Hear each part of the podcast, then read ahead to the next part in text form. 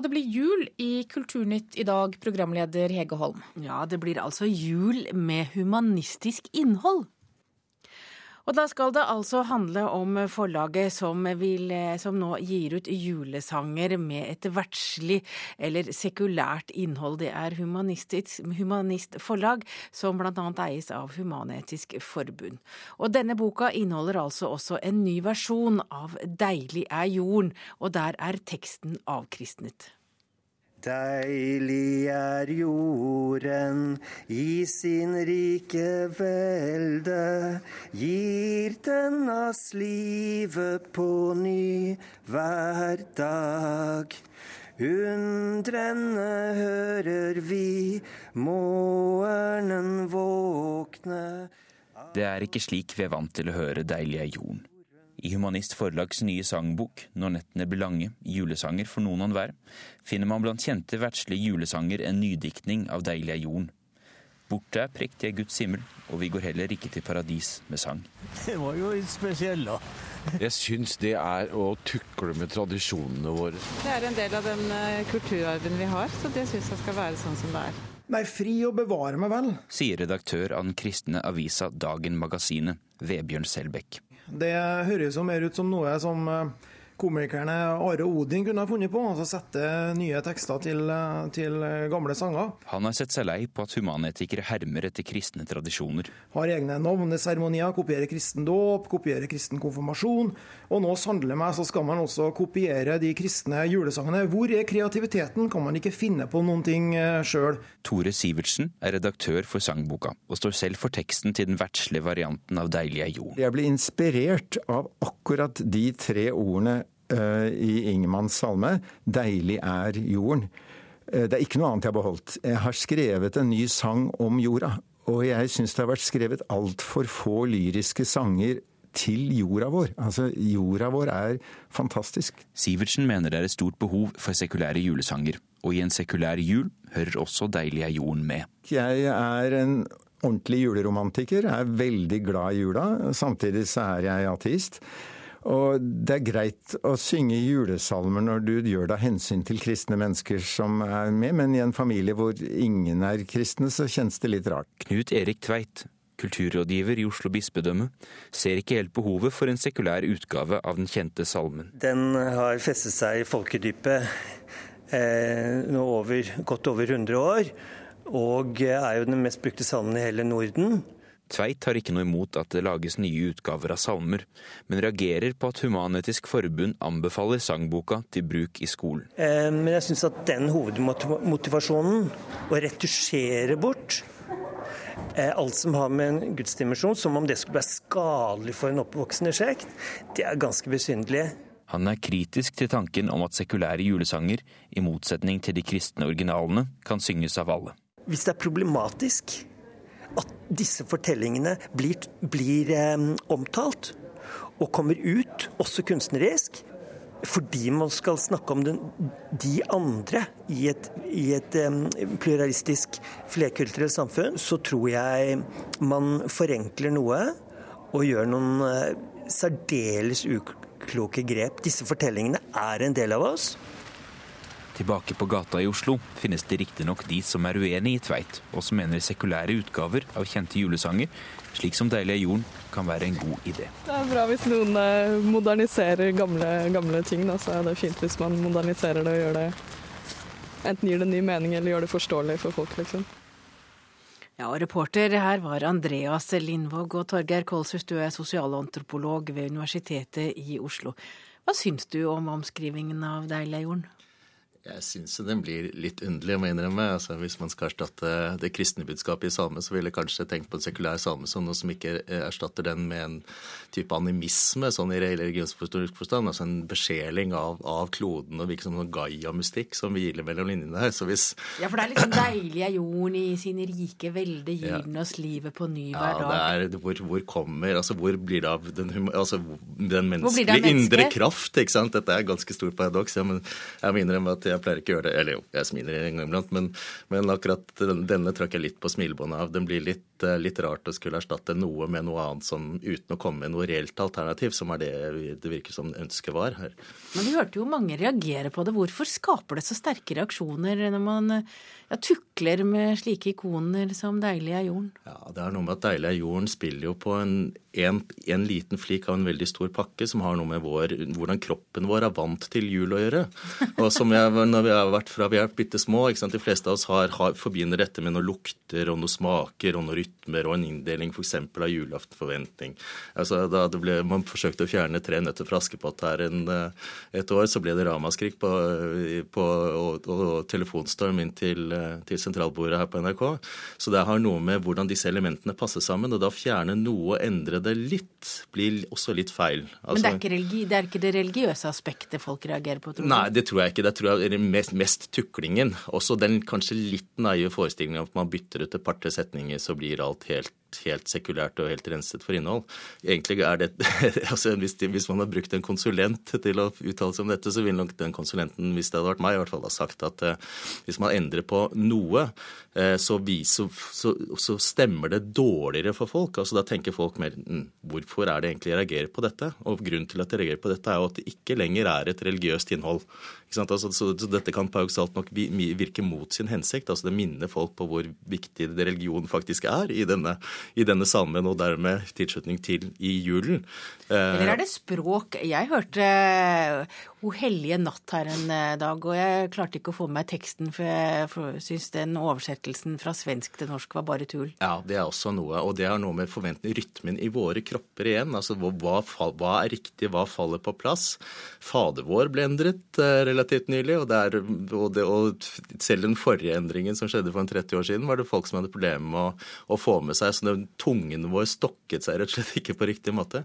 Så enhver endring av dette her er med på å gjøre eh, sette oss litt ut. Og det er ikke meningen når, når, når, vi, når julen som en tradisjon er ikke, den er ikke rettet mot å sette oss litt ut. Den er rett og slett rettet mot å bekrefte at tross alt, selv om alt masse rart endrer seg rundt oss, så er det noe som står sånn rimelig fast. Alle... Men Selbekk syns det egentlig er eh, Han liker ikke at man stjeler kristne tradisjoner og bare gjør de om. Ja, altså det, det som gjør julen til en veldig god tradisjon, en kjempesuksess, er nettopp det at alle nøkkelsymbolene knyttet til julen er ting som man kan putte veldig private meninger inn i.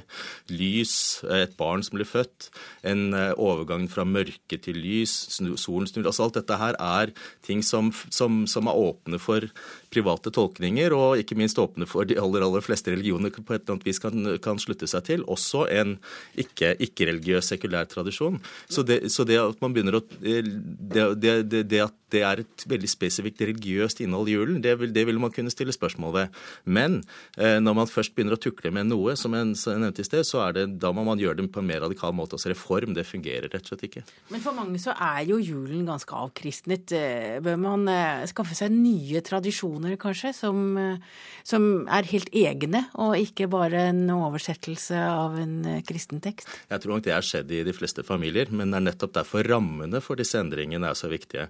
Og da blir kanskje selve altså, ekstranummeret, de mest ikoniske av salmer, som 'Deilig er jorden', det blir en ting man helst da ikke vil endre på. Det blir en sånn milepæl, eller en, en, grensemarkør, og så kan man heller endre på de tingene som skjer innenfor rammen av dette. Men 'Deilig er jorden' f.eks. blir en sånn holder fingrene av fatet. Dette var ikke noe vellykket forsøk? Nei, det må jeg si. Dette var tynne greier, altså. Takk til deg, Torgeir Kolshus. Du er sosialantropolog ved Universitetet i Oslo. Norges mest solgte forfatter, Frid Ingulstad, får fortsatt ikke bli medlem i Forfatterforeningen. Det er klart etter at hun har søkt om å bli tatt inn i varmen for tredje gang. Ingulstad, kjent for bl.a. serien Sønnavind, sier til Aftenposten at et medlemskap er viktigere som en anerkjennelse av leserne hennes enn for henne personlig. Forfatterforeningen mener serieforfattere skriver for mange bøker for raskt til å kunne oppnå den kvaliteten foreningens interne regler regler krever for medlemskap. Den nye filmen til Tom Cruise får utsatt USA-premiere etter skolemassakren i Newtown fredag. Actionfilmen Jack Reacher åpner med en scene der flere mennesker blir drept av en snikskytter. Og filmstudio Paramount Pictures sier til BBC at de utsetter premieren i respekt for familiene til de omkomne. Filmen har allerede hatt premiere i flere land i Europa. Nok et land trekker seg fra den internasjonale Melodi Grand Prix-finalen i Malmö neste år. Nå er det Tyrkia som ikke ønsker å delta. Tidligere har Bosnia-Hercegovina, Polen, Portugal og Slovakia meddelt at de vil trekke seg pga. dårlig økonomi. Men for Tyrkia er økonomi kun en liten del av begrunnelsen. Tyrkisk kringkasting protesterer først og fremst mot den nye ordningen der fagjuryer skal stå for halvparten av stemmene. Det melder Sveriges Televisjon. En helt ny teknologi testes ut nå i Grimstad. Vanligvis ser skuespillerne og regissøren på settet bare en grønn skjerm når de spiller inn filmer som får virtuelle effekter og bakgrunn lagt på i redigeringen. Men med den nye teknologien får de se hvordan det blir, samtidig som de spiller inn. Nå er det jo bare en råhold her, da. Ja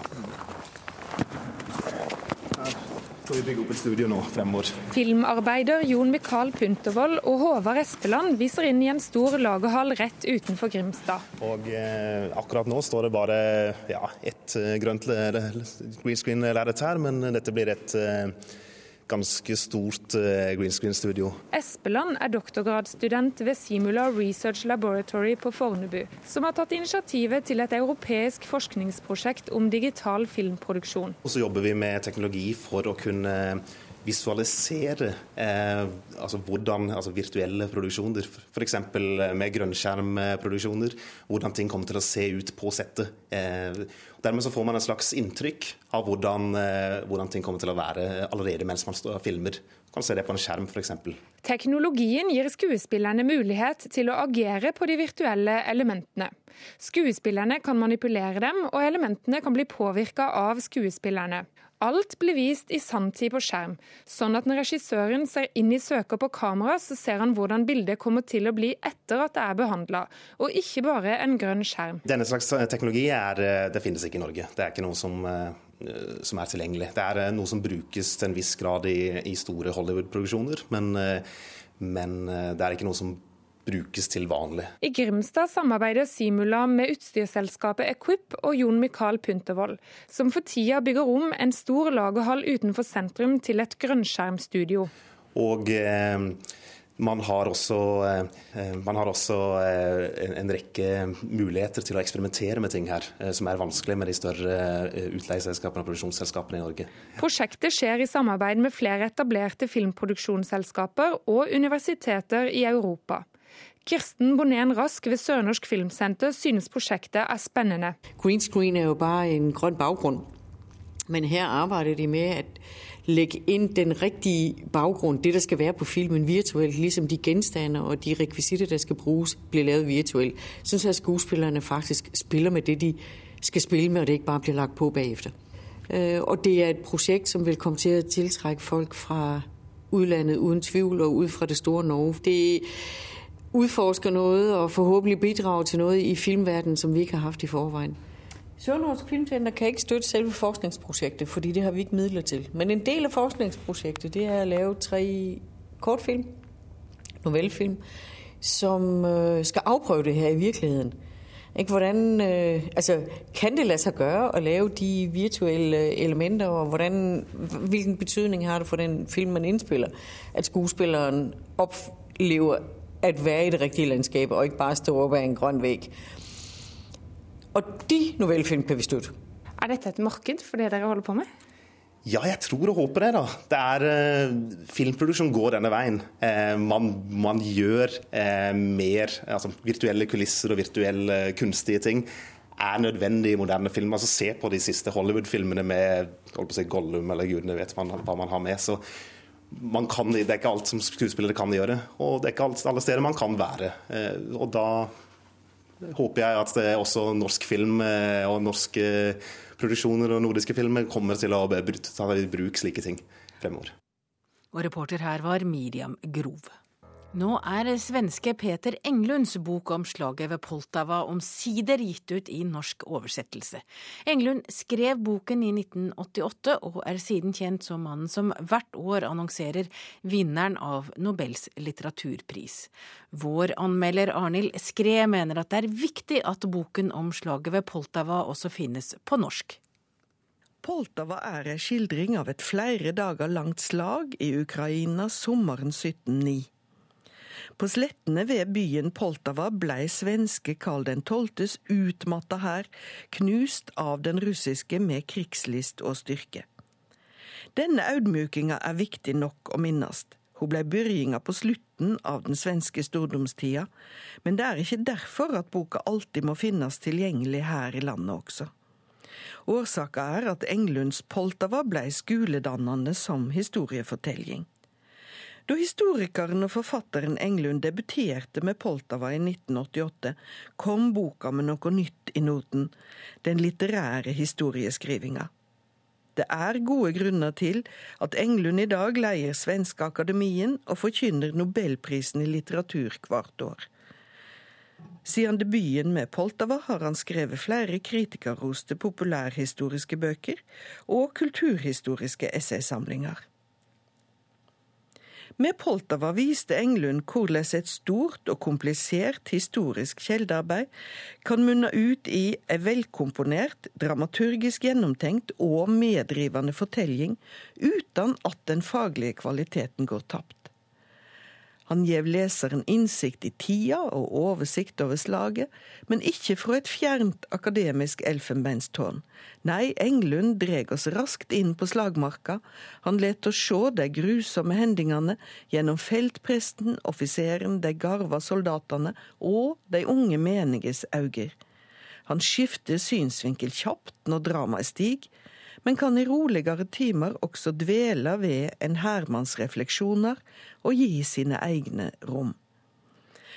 Av den kommenterte kjeldelista bak i boka kan en se råstoffet for det store og kompliserte lappeteppet som Englund har plukka sammen, og så har han sjølsagt fylt ut der kjeldene teier, og hva det er, får vi ikke vite, og det er sjølsagt svakheter ved metoden hans. Jeg tilgjev akkurat han for metodisk er boka ellers så imponerende. Bare språkkvaliteten hans ble jeg usikker på da jeg første gang las den norske omsetninga. Når jeg nå endelig sammenlikner med den svenske, ser jeg at problemet trolig er omsetteren Trond Berg Eriksens språk.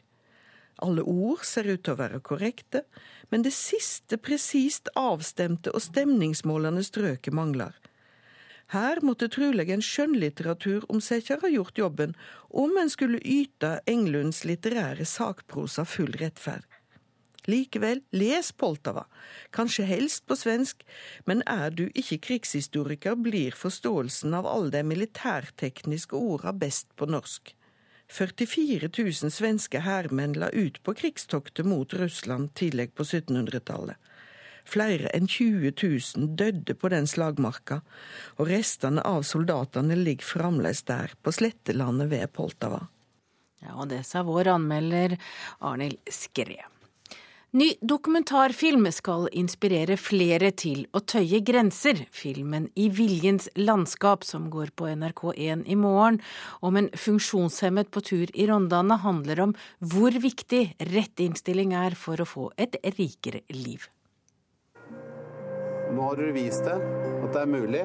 Lars Monsen hadde ham med seg i TV-serien Ingen grenser. Kanskje det er flere som legger ut på, på egne eventyr.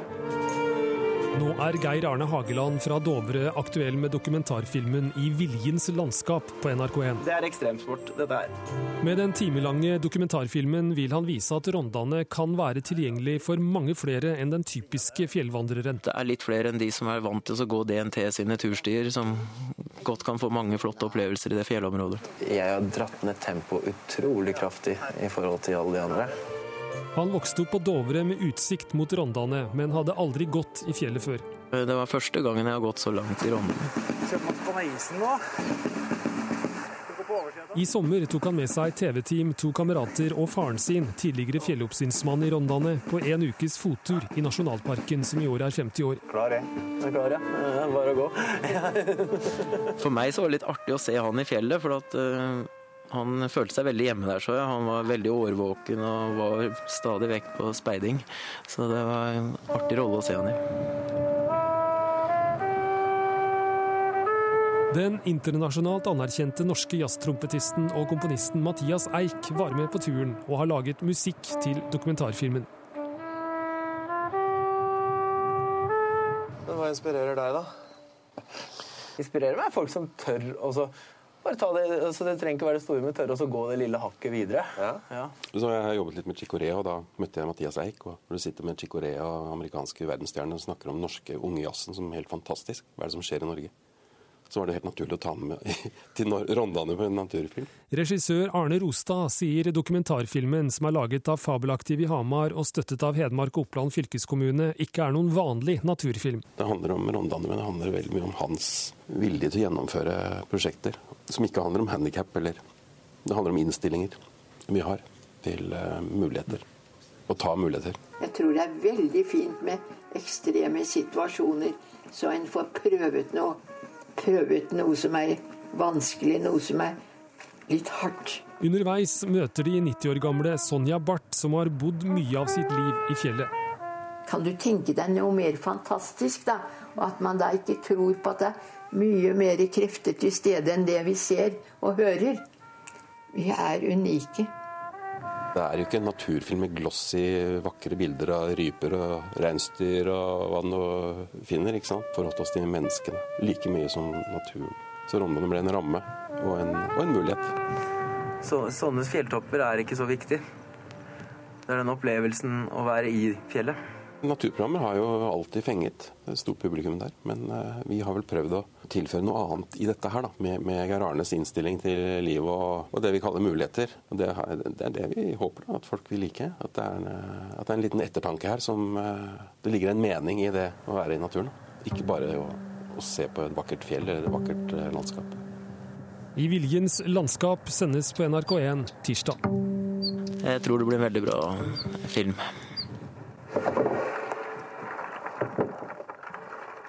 Reporter her var Stein S. Eide. Og Kulturnytt denne morgenen er over, og vi som har stått bak var Andrea Kvamme Hagen, Per Ivar Nordahl og jeg heter Hege Holm.